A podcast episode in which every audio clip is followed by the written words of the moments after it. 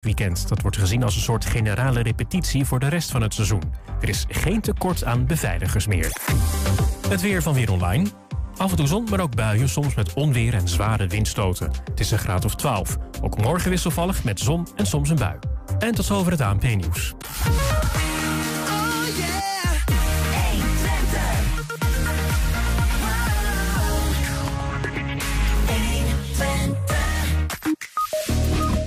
Een ambtelijke afdeling die erin slaagt om een kritisch rapport van een onafhankelijk onderzoek van tafel te krijgen. Dat lukte in Enschede. Voor theaterman Bert Bornebroek was Schouwburg Hengelo jarenlang het werkterrein waar hij zich als een vis in het water voelde. Nu, ruim 43 jaar later, trekt hij het doek voor de laatste keer achter zich dicht om met pensioen te gaan. Gisteren werd een nieuwe lesmethode gepresenteerd waarbij leerlingen in Enschede taalles krijgen tijdens het gimmen. En 13 Almeloze tieners van zes scholen streden gisteren om de titel Best Singer Almelo 2023. Maar er kon er natuurlijk maar één de beste zijn. Het is woensdag 12 april. Dit is 120 vandaag. 120. Het Enschedese klachtencommissariaat, de ombudsman zeg maar, doet onderzoek naar een groep bijstandsaanvragers. Schrijft en publiceert een onderzoeksrapport dat kritische kanttekeningen plaatst bij de afhandeling van die aanvragen. Maar trekt dat rapport vervolgens een maand of wat later weer in. Het leidde tot uh, politiek gedoe en veel onduidelijkheid. Collega Ernst Bergboer die was al geruime tijd bezig met bijstand en het Enschedese bijstandsbeleid. En pluiste ook deze uh, kwestie uit. Wat is hier nou gebeurd? Nou, uit recent vrijgegeven documenten blijkt dat de ambtenaren van de onderzochte afdeling, die dus door de uh, klachtencommissaris werd onderzocht, een opmerkelijke rol heeft gespeeld. Um, Ernst, welkom. Dank je. Um, misschien goed toch, want het is, uh, die intro die, die zegt al wel wat, maar het is wel een uh, omvangrijke kwestie. Misschien wel langzaam aan het worden. Of valt misschien nog wel mee, maar een korte recap. Uh, ik dacht, de commissaris deed onderzoek naar uh, een groep bijstandsgerechten. Het gaat om veel aanvragers. Zogenaamde veel aanvragers worden ook wel eens windhappers genoemd. Dat zijn mensen die, om, die, die verschillende keren een bijstandsaanvraag moeten indienen. Of indienen, wordt elke keer afgewezen. Um, en dan uiteindelijk krijgen ze wel of geen uh, bijstand. Maar dat, nou ja, dat, dat veelvuldig moeten aanvragen van zijn uitkering. Dat uh, kwam een aantal keren voor. Er waren klachten overgekomen bij dat klachtencommissariaat. Um, en, en kennelijk zoveel dat de klachtencommissaris aanleiding zag om te kijken van uh, hoe zit dat nou precies met die. Waarom moeten die mensen zo vaak aanvragen? Mm -hmm. um, dat onderzoek is gedaan. Um, nou ja, daar gaat het over. En dat leverde een rapport op. Dat vond ook plaats onder behoorlijke politieke druk, de politieke belangstelling voor het hele thema bijstand. Wij waren toen ook heel veel met bijstand bezig en met een streng Enschede's bijstandsbeleid in die jaren. Um, dat rapport verscheen, maar dat was toen ineens een tussenrapport geworden en uiteindelijk een paar maanden later werd dat ineens ingetrokken. Ja. Um, en ja, de, en er waren met name kritische partijen in de Enschedeze gemeenteraad bijvoorbeeld. Die zeiden, hoe kan het nou? Je levert een rapport op, het, het, lijkt een goed rapport, een aantal conclusies en dan ineens wordt dat ingetrokken. Ja. Um, nou ja, goed, dus dat was voor mij, omdat ik al bezig was met die bijstand in die periode toen ook, volgde ik ook dit dossier. Ja. En dat leverde ook bij mij wel vragen op. Dus ik ben toen dat uit gaan spitten. En misschien goed om dat nog even duidelijk te maken. Zo'n klachtencommissariaat, de gemeente doet natuurlijk van alles. Uh, dit is een soort van eigenlijk een onafhankelijke speler die ook wel onderdeel is van de gemeente, uh, maar toch hè, een bepaalde onafhankelijkheid zou moeten hebben in ieder geval. Uh, die dus onderzoek doet naar het reilen en zeilen van hoe handelt die gemeente dan en kunnen we op basis van zo'n onderzoek uh, ja, lessen trekken van wat gaat er nou niet goed en wat zou er beter moeten. In dit geval was het een kritisch rapport. Blijkbaar gingen de dingen niet helemaal goed volgens dat rapport toen. Mm -hmm. En dat wordt dan weer teruggetrokken. En dat is natuurlijk op zichzelf al een opmerkelijk fenomeen. Daar hebben we het vaker over gehad. Um, uh, werd ook opgemerkt inderdaad in de politiek. Wat is daar nou aan de hand? Ja. Wat zijn nou uh, vragen die je had waardoor nu... Want er is blijkbaar nieuwe informatie. Uh... Nou ja, de belangrijke vraag is natuurlijk... waarom is dat rapport ingetrokken? Dat kan natuurlijk zijn dat het een slecht rapport was. Dat het inhoudelijk niet klopte of rammelde... of wat er dan ook aan de hand was. Uh, er was toen ook al wel het idee van... Het, het lijkt ook wel alsof de ambtelijke afdeling... heel veel bemoeienis heeft met, dat, met die intrekking ook. Alsof die zo van... oké, okay, er verschijnt een kritisch rapport... dat doet een beetje pijn, dat vinden we niet prettig... dus er komt kritiek. Ja. En dan wordt dat maar teruggetrokken. Dus hoe, hoe, wat is er nou precies... Um, uh, aan de hand? En, en, waarom is dat rapport ingetrokken? Want het leek eigenlijk wel... het was ook wel in lijn met nou ja, andere... Uh, de conclusies die we hadden getrokken over die bijstand. Weet Ja. je, het, het, het week eigenlijk niet zo af. Ja. Het gaf geen raar beeld. Dus, dat, dus de belangrijke vraag was wel... Uh, waarom is dat rapport ingetrokken? En ik heb uiteindelijk ehm, ja, eigenlijk alle informatie opgevraagd. Uh, rondom het ontstaan van dat, dat onderzoek, het ontstaan van dat en schrijven van het rapport.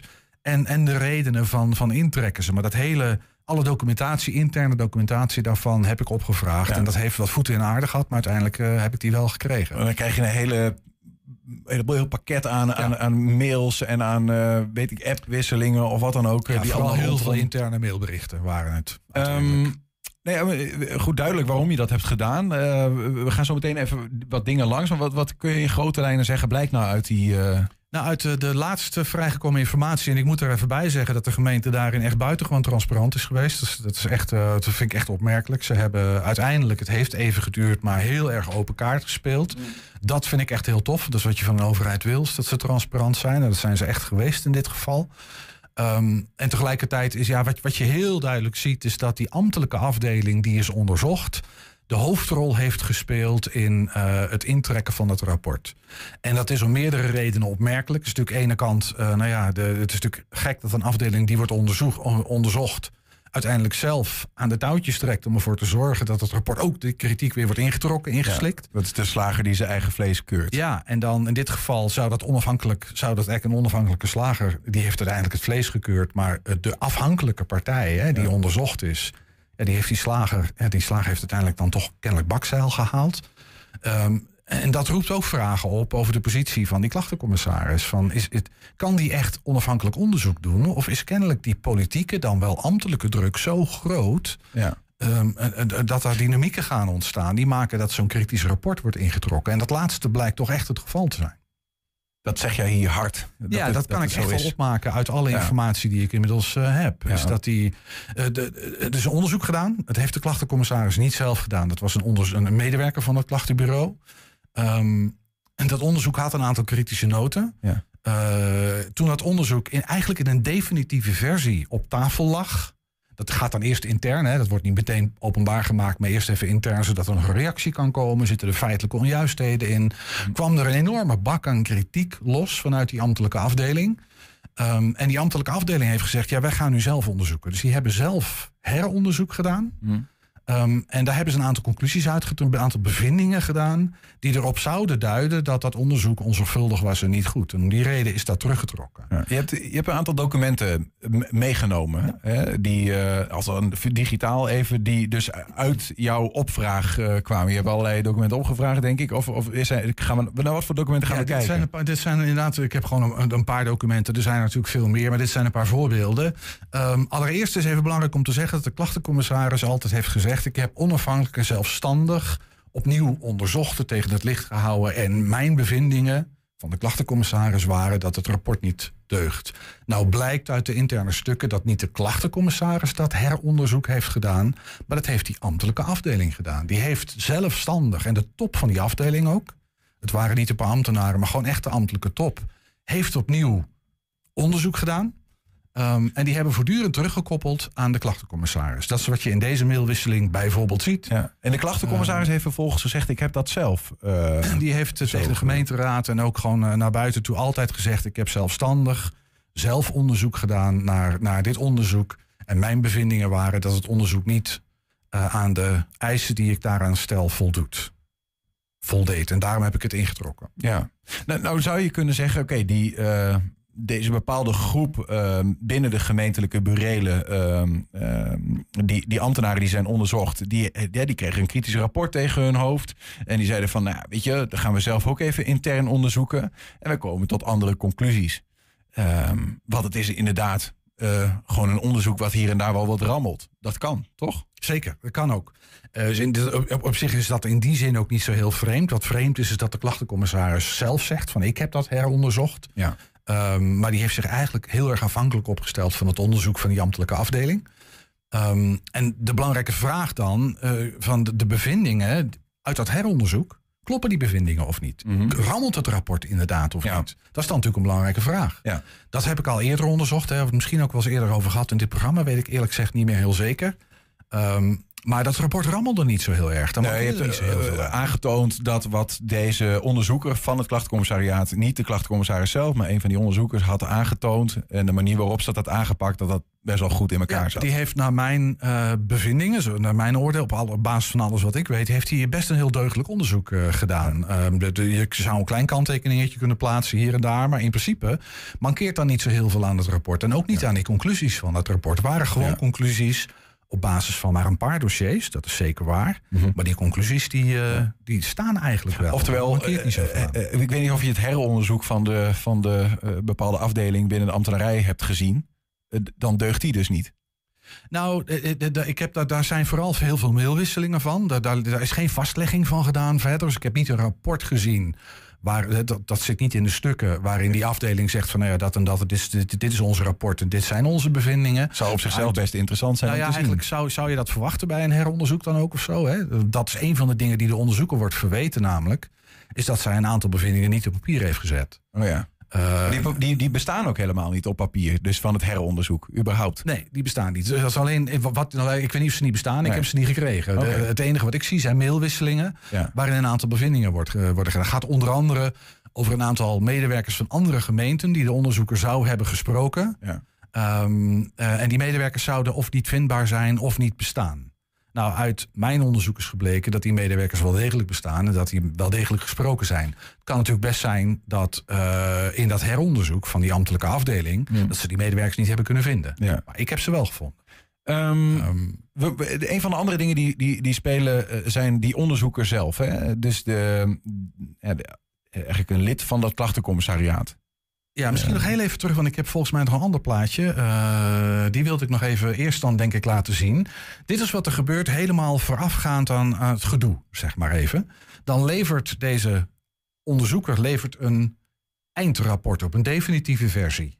Die, de- dat zie je ook in deze mail. Die definitieve versie die wordt nog voorzien van een klein beetje commentaar van de klachtencommissaris. Die zegt nou puntje op de i hier, puntje op de i daar. Eh, en ik heb de opmaak een beetje veranderd. Maar voor de rest is dit de versie. En die definitieve versie, dat is gewoon een definitief onderzoeksrapport. Gaat dan eerst naar de verantwoordelijk wethouder en naar de afdeling die is onderzocht. En dan breekt pas het tumult uit. En wat er dan gebeurt is dat dat definitieve onderzoek ineens een tussenrapport wordt. En uiteindelijk verdwijnt het dan van tafel. Dus je ziet een soort, nou ja, dat rapport verschiet van kleur. Aanvankelijk zou je kunnen zeggen, zet de, de, de klachtencommissaris hier haar handtekeningen over, eh, onder. En die zegt van, nou, dit is, dit, dit is onze definitieve versie. Zijn onze bevindingen. Dat levert gedoe op, kritiek. Ja. En, en best een bak aan kritiek ook. Ehm, en dan wordt het ineens een tussenrapport. Dat is even belangrijk Onder, onder druk dus, mede van, van de wethouder. Eh, in in ieder geval onder druk van de ambtelijke afdeling. Welke rol Ja. de wethouder precies gespeeld heeft, die is al op de hoogte gehouden al die tijd. Dat blijkt ook wel uit de mailwisselingen. Maar of hij daar een sturende rol in gehad heeft, dat weet ik niet. Kan ik niet helemaal hard maken. Nee. Ehm, maar de ambtelijke afdeling zeer zeker. Ja. Maar goed, de- eh, dat dit eh, een probleem is, dat hoeven we bijna niet uit te leggen, toch? Dat is denk ik. waar. Ehm, hè, dus je, je wil dat een onafhankelijk onderzoeksinstituut onafhankelijk is. En niet wordt geleid door degene die onderzocht worden. Nou, dat. En wat, je, wa- wa- wat ik ook opmerkelijk vind wel, is dat dit helemaal vooraan zeg maar, het gedoe eh, ongeveer plaatsvindt. Er was er wel best veel spanning hoor. Dit er speelt meer dan alleen maar dit. Ehm, maar dat uiteindelijk de klachtencommissaris dus dat definitieve rapport heeft gezien. En dan pas later in, in, in, in de tijd eh, de onderzoeker ineens een aantal verwijten maakt. Van ja, maar dat mankeert er aan het rapport en dit is niet goed en dat had je anders moeten doen. Dat heeft ze in die eerste eindversie, heeft ze dat niet geconcludeerd. Er, staat, er staan alleen wat, puntjes op Ja, i. ja, ja. Ehm, dus dat is wel een opmerkelijk, eh, nou ja. Nou ja, zeker in het licht dat deze eh, eh, onderzoeker uiteindelijk in de ziektewet is beland. Ja, die is wel redelijk in de klem geraakt tussen eigenlijk die ambtelijke afdeling... die helemaal niet blij was met het rapport... En ik vermoed met de, de, de wensen van de klachtencommissaris... die heel graag samenwerking wilde met die ambtelijke afdeling. En die onderzoeker die zei van... ja, maar dit zijn gewoon mijn bevindingen en daar blijf ik ook bij. Dus die, die wilde dat rapport ook niet aanpassen. Ja, ook op een paar kleine puntjes, maar niet echt inhoudelijk. Eh, dus die, ja, die is echt in de knel geraakt. En die werd geconfronteerd met een aantal vermeende fouten... of zelfs nou ja, bijna opzettelijke eh, eh, dingen die ze mis zou hebben gedaan in dat rapport. Dus die kreeg ineens de schuld. Die kreeg de Zwarte Piet toegespeeld. En die raakte in de ziektewet, inderdaad. Ja, Dus, mede, eh, mede door die Zwarte Piet. Dat ze dat niet eh, trok. De, de manier waarop ze gemangeld werd. Ja, ze heeft, eh, de, de, de, voor zover ik kan nagaan, naar eer en geweten een onderzoek gedaan. Geprobeerd dat zorgvuldig te doen. Ze, wetende dat de politiek gevoelig lag. En dan ineens komt ze in een situatie terecht waarin, ehm, nou ja, waarin dat onderzoek ineens niet meer zou deugen. En, en krijgt ze van alle kanten vlak. Ja. Eh, nou, dat heeft dat, dat. En ze is in de ziektewet geraakt, inderdaad. Je hebt, je hebt nog wat documenten meegenomen die, die nou ja, eh, leg maar uit wat je nog meer hebt, want eh, ik, ik, ik kan het vanaf hier niet goed inschatten. Die iets vertellen over nou ja, de verhouding tussen die onderzoeker en, en de politiek. Nou, ik, wat, wat, wat, dan, wat dan, ik gaf je net al aan, dat, dat, zeg even dat definitieve rapport, dat, dat verschoot van kleur. Dat werd op een gegeven moment als een tussenrapport onder politieke druk aan gemeenteraadsleden eh, verstrekt. Met een kanttekening van, nou ja, dit is een tussenrapport, er moet nog verdiepend onderzoek plaatsvinden. Dat was de kanttekening. En je ziet dan vervolgens ehm, dat het hoofd of dat de, de top van de ambtelijke afdeling de wethouder vooral eh, eraan herinnert van hou in de gaten dat we die kanttekening van de klachtencommissaris in alles wat we hierover publiceren en dat we die kanttekening elke keer maken. Ja, dit is een tussenrapport. En er komt nog verdiepend onderzoek. Dat moeten we in alles wat we hierover publiceren en, en zeggen, moeten we dat erbij zeggen. Want dat is heel erg belangrijk. Dus je ziet dat die, Ehm, nou ja, die, die, dat, dat, ehm, dat belang om het als een tussenrapport eh, te, pu- neer te zetten, dat dat Ja. belang heel erg wordt onderstreept. Waarmee eh, het gezag van zo'n rapport eh, iets wat wordt gedowngrade. Ja, en dan zou er een verdiepend onderzoek plaatsvinden. Ja. En dat verdiepende onderzoek veronderstelt dan. We gaan nog wat meer gevallen onderzoeken, of we gaan er nog eens nader bekijken. En eigenlijk is dat verdiepend onderzoek alleen maar geweest op eh, fouten in, dat eventu- in, de, in die eventuele rapportage. Daar is heel erg naar gekeken. Van kunnen we hier, kunnen we, kunnen we hier iets, rammelt er hier iets? Want dit kan niet kloppen. Kunnen we dat bevestigd krijgen? Ja, ja. Ehm, dus het was eigenlijk niet een aanvullend onderzoek, maar dat was vooral een onderzoek gericht op eventuele missers. Ja. In het onderzoek dan wel in het rapport. Dat volgens jou dus eh, geen missers bevatten. Nee, ik heb niet zoveel missers kunnen aantreffen. Ehm, ja, zijn er nog meer documenten die je wil laten zien? Want we, ik hoor van niet. eh, want er, er speelt nu natuurlijk dat die onderzoeken waar we het net over hadden, die is uiteindelijk eh, nou ja, in de ziektewet beland. Ehm, vervolgens eh, heb jij ook al over geschreven. ehm, wilde de gemeente eigenlijk van deze medewerker nou ja, af? Mag ik dat zo hard zeggen? Ja, daar komt het Ja, eigenlijk wel op neer. Want Ik, er wordt een eh, ontslagprocedure ja, ergens ingezet. Tijdens ziekte is er een ontslagprocedure ingezet. Een rechtszaak ook eh, die de gemeente verloren heeft. De rechter heeft echt wel gehakt gemaakt van de motivering van de gemeente om deze medewerker te ontslaan. Ja.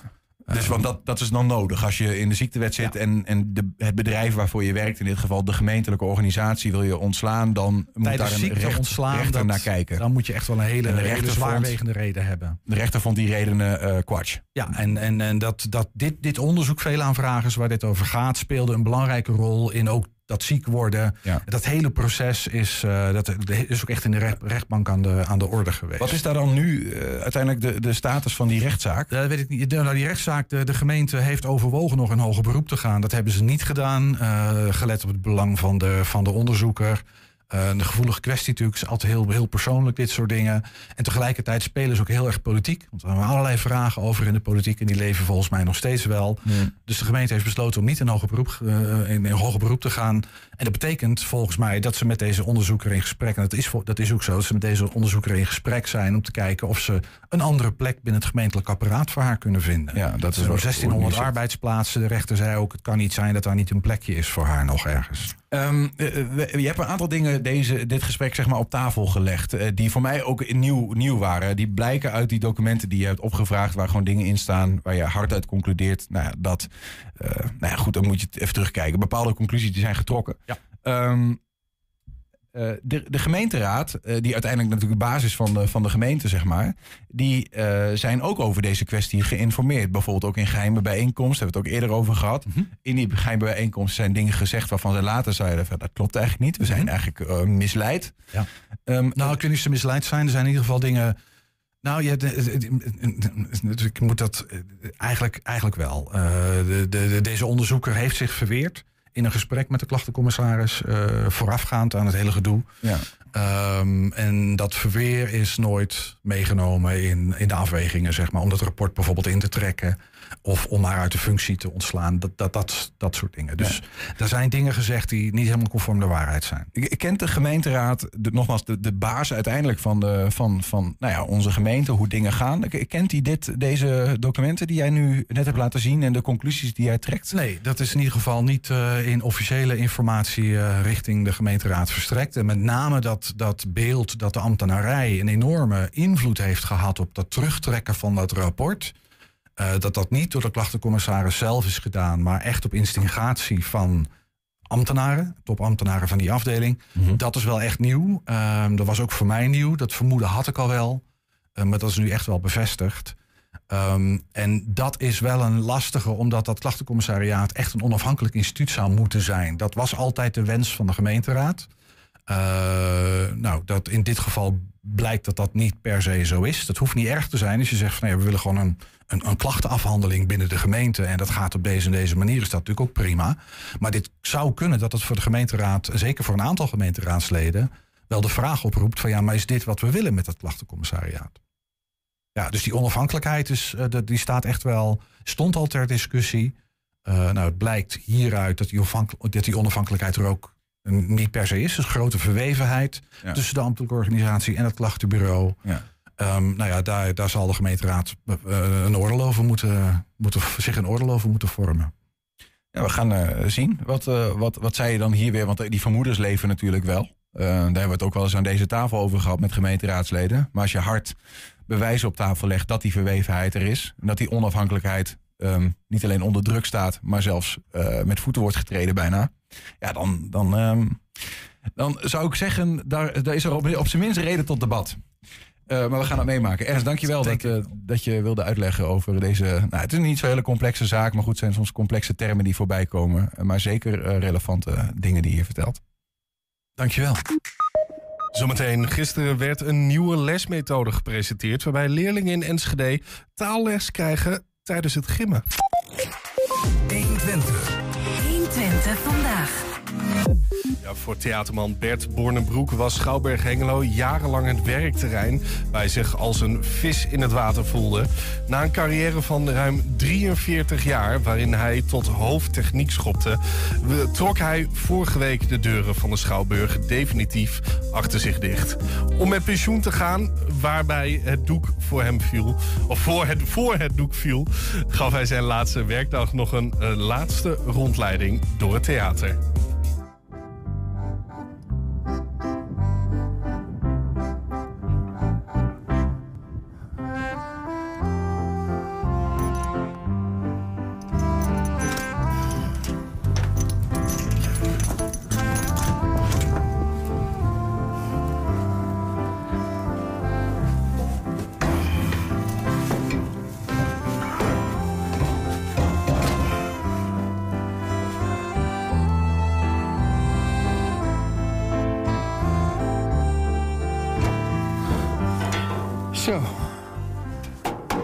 Prachtige ding uh, is niet voor de voorstelling van vandaag. Dat is mijn gezelschapsdame voor uh, mijn afscheid uh, aanstaande vrijdag. We zijn nu op het toneel bij het Twents Theater. We worden opgebouwd. daar heb ik zelf ook uitgekozen deze periode om afscheid te nemen. Omdat er daar mooi flink wat gebeurt ook op het toneel.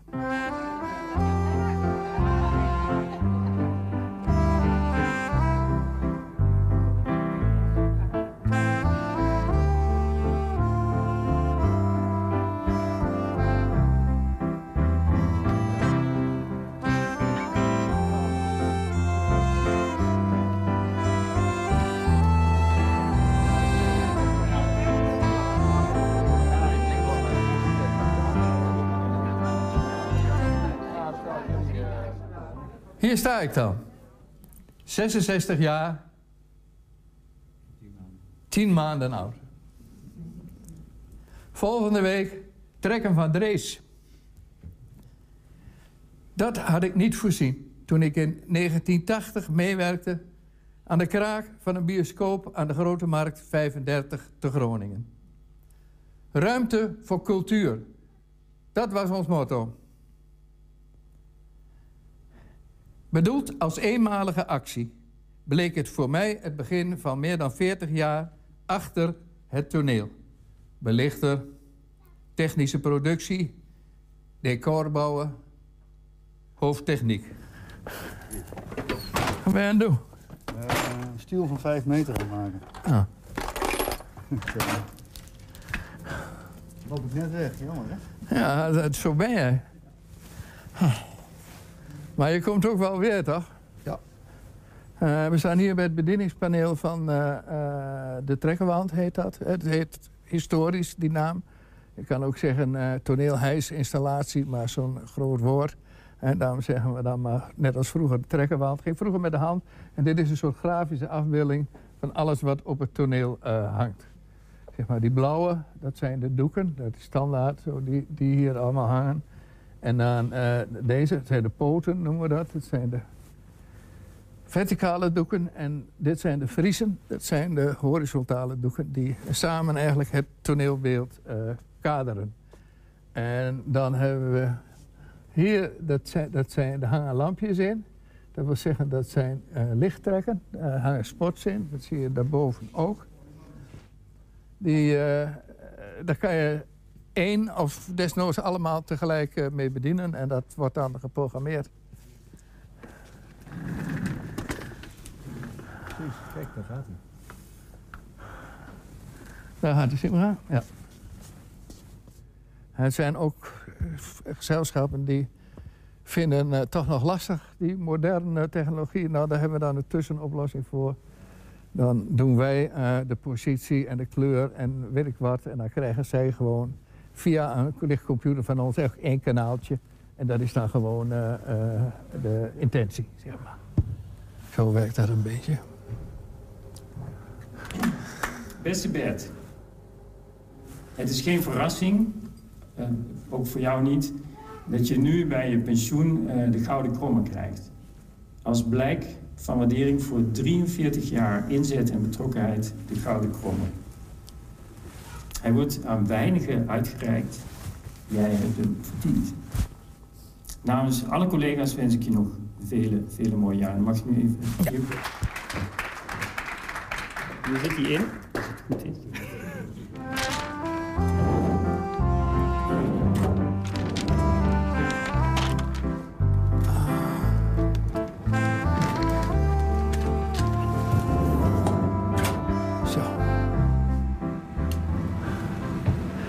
Van de aardigste herinneringen ook die, ik hier heb, dat is aan de laatste uh,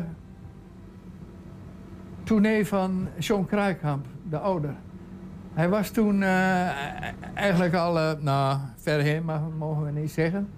Maar hij had veel begeleiding nodig. En eigenlijk die afscheidstournee was een soort cadeautje van Joop van der Ende aan hem. Het was een stuk van Godot. Maar hij kon toen al heel slecht tekst onthouden. En hij had dus een souffleuse bij zich. En niet één, maar twee oortjes. Die voorstelling begon. En dan ging zes minuten goed. En toen was hij de tekst kwijt. Toen heeft die hele voorstelling, anderhalf uur lang, heeft die souffleuse alles hem in het oor gefluisterd. En die zaal die zat helemaal vastgekluisterd aan die man. Want hij nam steeds zoveel ruimte tussen de, tussen de, woord, tussen de zinnen. Hè, uh, dat het allemaal heel betekenisvol leek wat hij zei. Maar in feite kwam dat gewoon omdat hij moest steeds wachten tot hij in de oortjes weer de volgende zin kreeg, voordat hij daadwerkelijk wat kon zeggen. Fantastisch. Fantastisch. Wat een kwaliteit.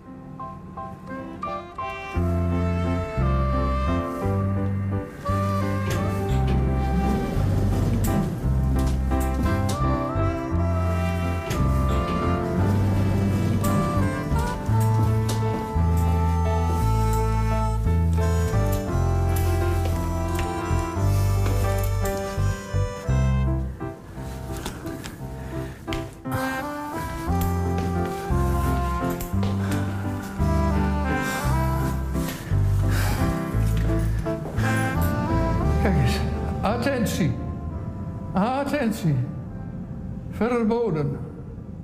Machine risk. Je zou bijna denken dat ze er iets mee bedoelen.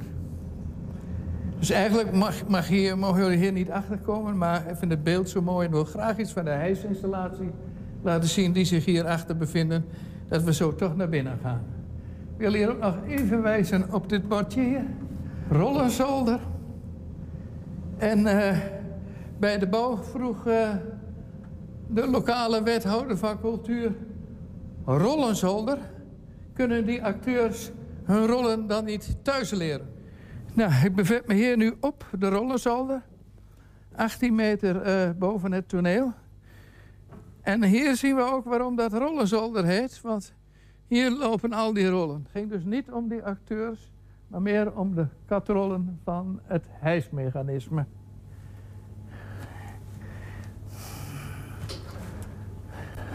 Ja, omhoog.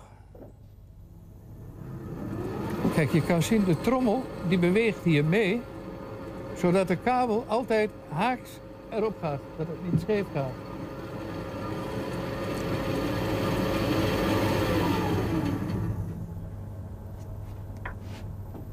Dankjewel. Alsjeblieft.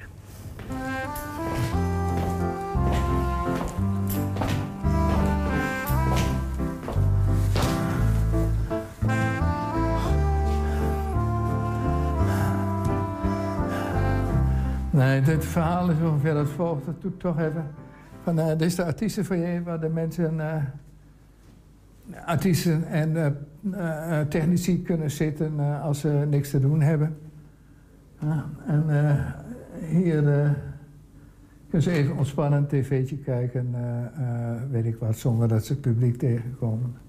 Iedereen volgens mij die op toneel gaat staan, heeft last van plankenkoorts op het moment dat je, dat je op moet. Maar Marie Huibrecht duldt niemand op het toneel. Uh, uh, uh, La Bloemen wil eigenlijk ook niemand op het toneel. Maar er zijn ook echt mensen die het niet meer overwinnen, de plankenkoorts. En niet de minste. Koen Flink, de ouderen onder ons, die kennen hem vast. Hij was opa en oppasser.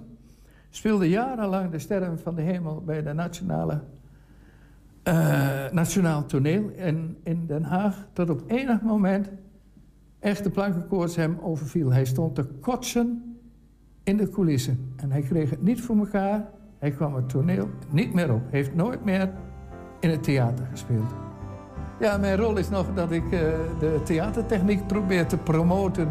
en toe te lichten voor een ieder die daar belangstelling voor heeft.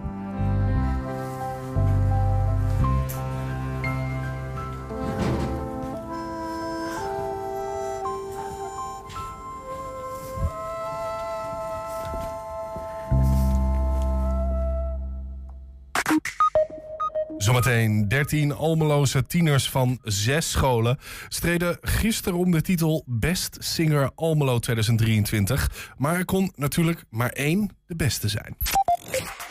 120. 120 vandaag. Het is meer dan twee vliegen in één klap. Als je een les taal combineert met gym, dan blijft de taal ook nog eens beter hangen dan wanneer het geleerd wordt achter een tafeltje in dat doodzaaie klaslokaal. Het is de overtuiging van Enschede basisschooldirecteur Marielle Siebelt... die uh, gisteren volop werd beaamd door de bekende hersenprofessor Erik Scherder. Marielle, welkom. Dankjewel. Je hebt een uh, methode gemaakt waarin gym en taal eigenlijk worden gecombineerd. Ja, klopt. Uh, gisteren werd hij gepresenteerd in de Diekmanhal. Erik Scherder was daar ook bij. Net als, ik hoor jou net zeggen, 300 andere belangstellenden. Ja. en ook de collega's van RTV Oosten, die maakten daar de volgende video. Dames en heren, jongens en meisjes, loop maar mee. We gaan op de banken zitten. Even een bal pakken, twee handen even vasthouden, nog niet stuiteren. Op de maat. Misschien willen jullie ook meeklappen? Jullie mogen meeklappen. Ja, top. We zijn eigenlijk bezig met de lancering van uh, talen, de gymzaal en gimmen met Pim. Eigenlijk is het de bedoeling dat we taal en uh, bewegen combineren. Dus het mooie is dat de kinderen op een andere manier taal verwerven. En wij merken echt dat als we op een andere manier taal aanbieden, door bijvoorbeeld in de gymzaal. Het zou natuurlijk heel mooi zijn als je eerst in de klimrek mag en dan naar beneden mag en dan een woord moet zeggen. Dat het voor kinderen vaak veel leuker is, maar daardoor beklijft het ook veel beter. Waardoor we zien dat de woordenschat vooruit gaat, maar ook de concentratie van kinderen. Tegelijkertijd ook nog eens een keer de motoriek. Dus eigenlijk is het een win-win situatie. Ik ga nog één keer doen voor mij. Ja! Netjes. Kijk, iedereen klapt ook nog voor je. Taal in de gymzaal is een stukje voor groep 3. En daar zien we, hebben we kaartjes waar, eh, waar woordjes op staan. En die woordjes moeten de kinderen dan op dat moment opzeggen.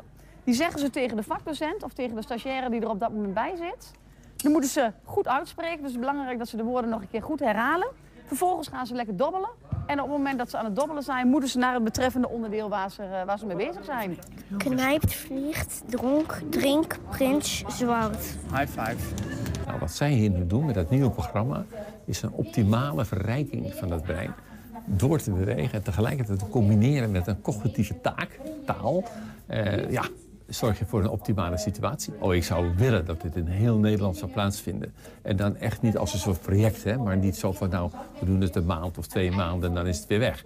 Maar gewoon als een vast onderdeel van het normale curriculum, omdat je daar deze kinderen eh, ja, op allerlei manieren doe je ze daar gewoon enorm veel plezier mee. Nou, ik hoop dat het eigenlijk overal straks eh, zichtbaar is. En misschien niet in deze vorm, maar belangrijk vind ik dat kinderen in ieder geval gewoon veel meer gaan bewegen. En als zeker als je daarin ziet dat de taalachterstand natuurlijk naar beneden gaat. Hoe mooi is het als je daar een combinatie van kan maken, dat we beide kunnen verhogen. En dat jullie dit volgend jaar hopelijk ook meenemen in jullie eigen school. Want hoe mooi is het om al deze blije gezichten te zien van kinderen als bezig zijn met bewegen en tegelijkertijd ook nog met taal bezig gaan.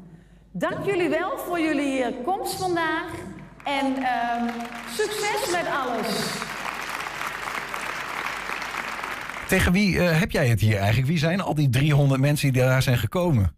Nou, voornamelijk zijn dat pedagogisch medewerkers van peuterspeelzalen, leerkrachten van groep 1, 2 en 3, maar ook vakdocenten lichamelijke opvoeding, intern begeleiders. Ja, ja. Eh, dus behoorlijk wat mensen. Dat zijn allemaal mensen die de dienst uitmaken op scholen en daarmee eh, mogelijk iets kunnen met wat jij hen aandraagt. Precies, ja. Hey, en, en Erik Scherder was erbij. Is dat een marketingtruc of was hij ook oprecht zeg maar, zelf geïnteresseerd van nou, wat gebeurt hier allemaal? Ik kom eh, hier naartoe. Nou, het was natuurlijk wel fijn als we iemand zouden kunnen krijgen die hier ook iets mee te- van doen had, zullen Ja, we zeggen. ja. Eh, maar uiteindelijk had het wel zoiets van, dit was wel iets wat hij heel graag wil. Hè? Dat prikkelen van het brein, daar zit hij natuurlijk wel heel erg in. Dus hij had wel zoiets van, nou, hoe mooi is het dat we die combinatie kunnen maken. Dus ook zijn lezing was ook echt toegespitst op het stukje wat wij hadden gemaakt. Ja, en hij is eh, dol enthousiast. Hij zegt zelfs, het moet inderdaad, eh, zoals jij zelf ook zei, graag zou zien, landelijke navolging krijgen. Ja, dat zou heel mooi zijn natuurlijk. Ik bedoel, je gunt elk kind om lekker te kunnen bewegen en daarnaast ook nog eens een keer de taal te kunnen verwerven. Je bent zelf eh, basisschooldirecteur van IOK De Globe. Ja. Ik heb dat even opgezocht. Dat is een taalschool in Enschede voor nieuwkomers in de leeftijd van 4 tot 12 jaar. Klopt. Dat zijn mensen die vanuit het buitenland hier naartoe komen. Ja. Die dus nog helemaal geen Nederlands eh, spreken, denk ik. Nee, dat klopt. Nee, Ja. Ze krijgen echt een jaar lang Nederlands. En van daaruit gaan ze eh, door naar de reguliere basisscholen. Ja, ja. Voor, die kinderen is natuurlijk taalonderwijs eh, nog veel relevanter. Want anders, met, zonder de taal red je hier nauwelijks, denk Ja, ik. klopt. Is, is wat jij aandraagt, hè, dus die combi tussen gym en taal, is dat ook vooral voor, voor die groep? Of is het een veel breder verhaal? Want ik zie ook kinderen van de regenboog. In, in ieder geval, dat is ook een basisschool in Enschede, met een t-shirt van de regenboog gisteren erbij. Ja, dat klopt. Nou, voorheen was ik natuurlijk directeur van basisschool De Regenboog. Dus Oh, ja. vandaar dat, daar hebben we het stukje ontdekt en eh, ontworpen. Maar het is eigenlijk voor alle kinderen is het natuurlijk een, een, een belangrijk onderdeel. Hè? Alle kinderen moeten taal verwerven, alle kinderen moeten taal leren. Nou, hoe mooi is het dat je dat op een andere manier kan doen dan altijd, hè, wat je net ook al aangaf, aan het tafeltje. Hoe leuk is het als je het ook gewoon in de gymzaal kan doen. Mhm. Waardoor je ook nog eens een keer de motorische vaardigheden omhoog gaat halen. Want ook daarin zien we landelijk gezien dat zowel de motoriek als ook een stukje taal natuurlijk nog wel achterblijft in Nederland. Ja. Is het, eh, is het dat, want je, we, we leven in Enschede waar we heel vaak horen, ehm eh, tenminste deze studio staat hier, jou- jouw school is daar in Enschede, de, waar heel veel taalachterstand is. Hè? Veel migratieachtergrond, eh, kinderen met migratieachtergrond, dat soort dingen. Is het daardoor dat je hier zo op bent gekomen of is het iets, iets wat jou überhaupt drijft? Nou, het, het drijft mij sowieso, hè, dat, dat sowieso. Maar het is wel iets waarvan ik dacht, hè, zeker toen ik ook zes jaar geleden op de regenboog begon als directeur. Toen had ik zoiets van, goh, ik wil dat alle kinderen gaan bewegen. Mhm. En ehm, kinderen bewegen na schooltijd. Bewogen de kinderen niet veel. Ja. Er zitten natuurlijk steeds meer achter de iPad. Dus hoe mooi is het om dat te doen? Dus ik heb het nationaal onderwijsconcept eh, ontwikkeld. Dat ze elke dag een uur tussen de middag bewegen. Ja. Onder leiding van vakdocenten lichamelijke opvoeding. Dat deed ik in samenwerking met Sportaal. En van daaruit had ik zoiets van, nou, hoe mooi is het als je nu ook nog eens een keer het bewegen kan combineren met een stukje in de school. En dan in dit geval een stukje taal, waar op die school veel behoefte van was. Wa- Waarom moet een basisschooldirecteur zoiets uitvinden? Of is dat heel normaal? Want ik, ergens denk ik van, ja, je bent druk genoeg met de schoolbesturen. Is dit niet iets gewoon voor de Malmbergs of de Heutings... of hoe heet die partijen van deze wereld? Nou, zou een optie kunnen zijn, maar ik denk dat het belangrijk is als schooldirecteur sta je natuurlijk dicht bij de kinderen Ja. en zie je wat er nodig is. En uiteindelijk is het doel dat dat wat jouw kinderen op jouw school nodig hebben, dat je dat gaat eh, bedienen, zullen we maar zeggen. Mhm. Nou, en hoe mooi is het als je dat zelf kan ontwikkelen en daarmee aan de slag kan gaan. Ja. Maar is het een gekke vraag als ik zeg van... Want blijkbaar Erik Scherder zegt... eh, ja, ik onderschrijf dit helemaal. Hè. Het is niet alleen maar dat het leuk is om en te bewegen... en met taal bezig te zijn op hetzelfde moment. Maar sterker nog, je leert de taal beter als je het bewegend doet, zegt hij. Nou ja, hij kan het weten. Ehm, dat, dat wij dat dan dus niet doen op onze scholen blijkbaar... dat vind ik eigenlijk best apart. Dat klopt. Maar ik denk dat wij een heel onderwijssysteem hebben ontwikkeld. eh, waarin we veel te veel eh, bezig zijn met de opbrengsten. En heel erg bezig zijn dat de kinderen maar achter die tafel moeten blijven zitten. En taal moeten leren en rekenen en begrijpen het lezen. Dat ik denk, het kan ook op een andere manier. En dat Ja. is een stukje omdenken in het onderwijs. Maar goed, die opbrengst wordt beter, hoor ik net zeggen. Absoluut, ja. Dus, eh, waar, waar zit het er dan in? Is het ingewikkeld? Of is het... Is het ehm, Nou ja, ik denk dat heel veel mensen vooral de beren op de weg zien. En daar moet je zo overheen gaan stappen. Dat ik denk van ja, je moet die beren niet zien. Je moet het gewoon gaan doen. wat zijn die beren? Nou ja, goed, dat mensen inderdaad de tijden moeten aanpassen van scholen. Of dat mensen inderdaad denken van, goh, dit kost me veel te veel tijd. Of het levert juist onrust op. Hè. Daar zijn heel veel leerkrachten vaak bang voor. Ja, Dus de gymles is gaan- tijd roven, neem ik aan. Je moet je omkleden. Klopt. Ja, maar heel veel dingen kunnen ook gewoon in de klas. Hè. Die hoeven niet per se in de gymzaal te zijn. Maar goed, eh, en over het algemeen zijn er natuurlijk vrij veel scholen... die natuurlijk een gymzaal wel naast de deur hebben. Maar het kan ook in een speellokaal, wat je natuurlijk wel in basisscholen hebt. Dus je moet kijken naar de mogelijkheden Mhm. die je binnen je school hebt. Ja. En dan moet je gewoon gaan kijken van... ja, maar waar kan ik winst halen? En wat kan ik gaan doen? En dan zou ik zeggen, ja, pak die kans. Ja.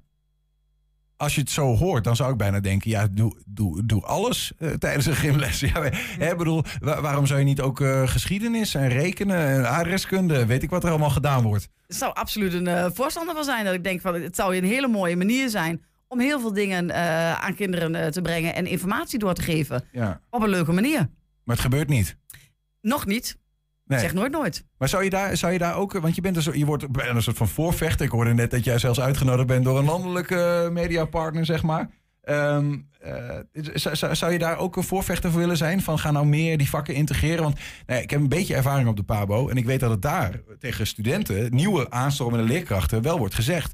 Zorgen dat je die vakken met elkaar combineert. Dat is Ja. en beter en het scheelt je uiteindelijk tijd, zeggen zij. Dat mensen klopt. En dat is natuurlijk ook zo inderdaad. Maar Ja. goed, je merkt heel vaak dat op, mensen, dat op moment dat leerkrachten voor de klasse staan, dat ze hun methodes gaan volgen.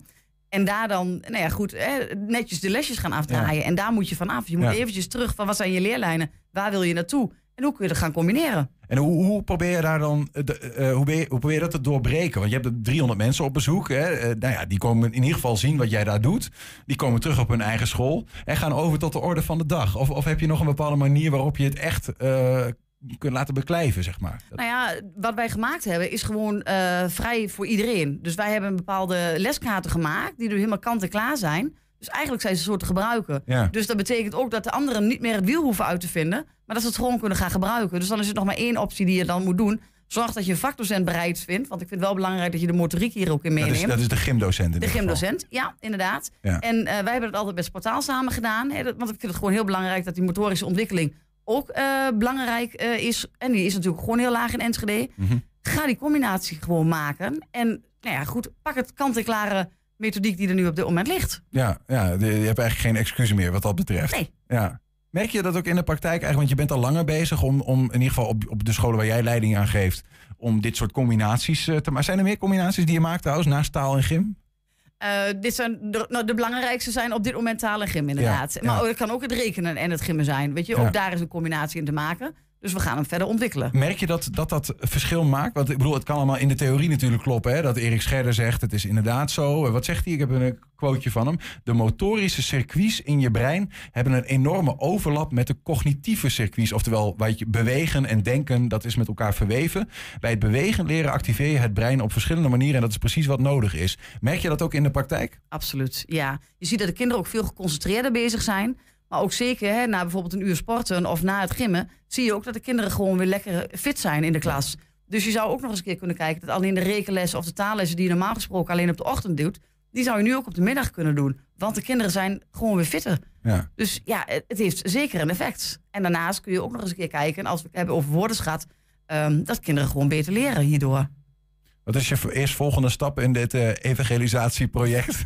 Nou ja, goed, ik ben natuurlijk net begonnen als directeur op een taalschool. Ja. En eh, nou goed, daarin gaan we natuurlijk ook de stap maken om het stukje bewegen en het stukje leren met elkaar te combineren. Ja, overigens nog heel even over jouw school gesproken. Een taalschool, dat, is dus, dat, dat gaat om kinderen die vanuit het buitenland komen en, en puur en alleen taal leren dan? Is ja, dat, eh, klopt. hoe moet ja, zien? maar ook wel rekenen inderdaad. Ja. Maar vooral die Nederlandse talen, dan krijgen ze eigenlijk, nou ja, gemiddeld is dat een jaar staat ervoor, dat de kinderen de Nederlandse taal leren. En van daaruit gaan ze door naar de reguliere scholen, om daar gewoon, waar de ouders op dat moment wonen. Ja, ja. En daar kunnen ze gewoon eh, verder met, de met de rest van hun eh, loopbaan. Een soort schakelsysteem. Ja, eigenlijk wel.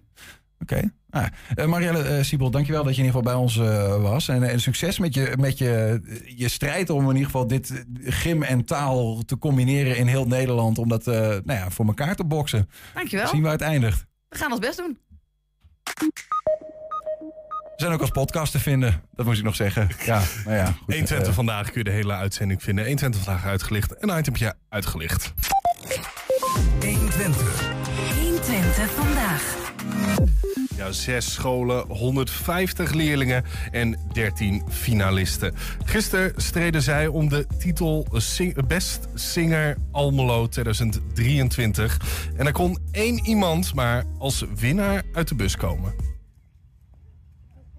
Gaan vanavond weer luisteren naar de finalisten van de Best Singer Almelo. Ja, ik heb wel echt hele goede kandidaten inderdaad eh, gehoord al. Wij doen als passie eh, dit jaar voor het eerst mee. Een aantal andere Almeloze scholen doen dit echt al jaren. Het is natuurlijk gewoon ontzettend leuk om niet alleen op je eigen school van je muzikale talenten te genieten... maar ook van andere scholen dat te zien en te horen.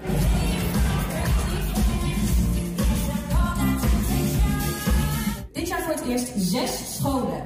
Daarvan zijn 13 Almeloze finalisten doorgegaan. Mag ik een heel groot applaus voor Janelle met Slipping Through My Fingers.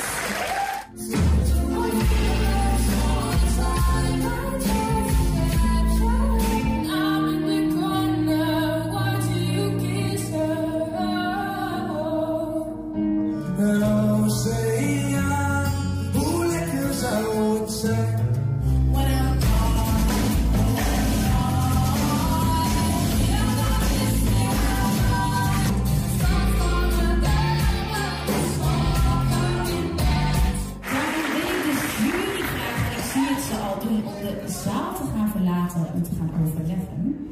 We gaan een op- optreden zien van de dansschool La Stesa uit Almelo.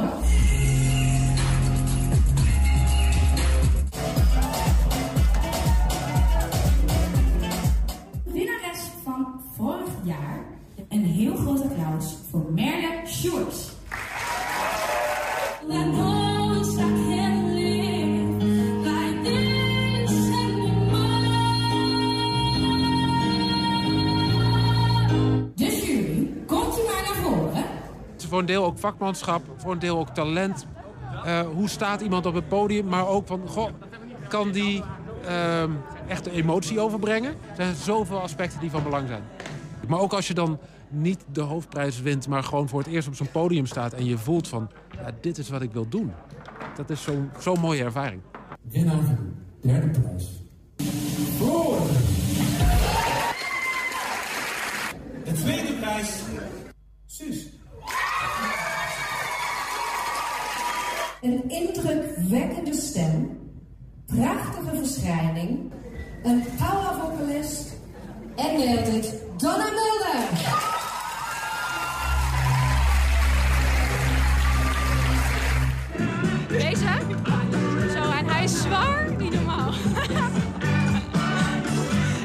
Echt te gek. Echt, ik ben zo verbaasd en zo blij. Ik vind sowieso dat iedereen heel erg aan elkaar is gewaagd. Eh, ik ben zo trots op iedereen. En ik ben van plan om wel eh, sowieso meer te doen in muziek. Ik wil graag de studio in. Geweldige winnares, eh, volle zaal. Dit was buiten alle verwachtingen. Heel. Het is vooral belangrijk omdat wij eh, eh, kinderen een podium bieden. En je merkt hoe ze daarvan genieten. En je merkt hoe ze boven zichzelf uitstijgen. We beginnen een professionele band. Nou, hoe vaak kun je optreden met een professionele band? Dus dat is al geweldig. Alle Almeloze scholen bieden aan alle Almeloze leerlingen een podium. En daar moet het echt blijven bestaan.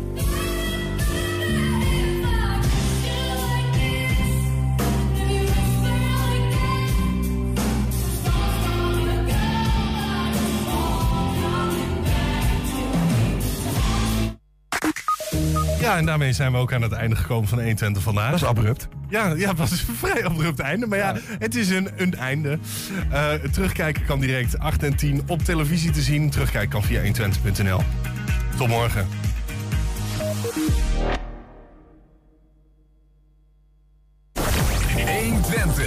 Weet wat er speelt in Twente.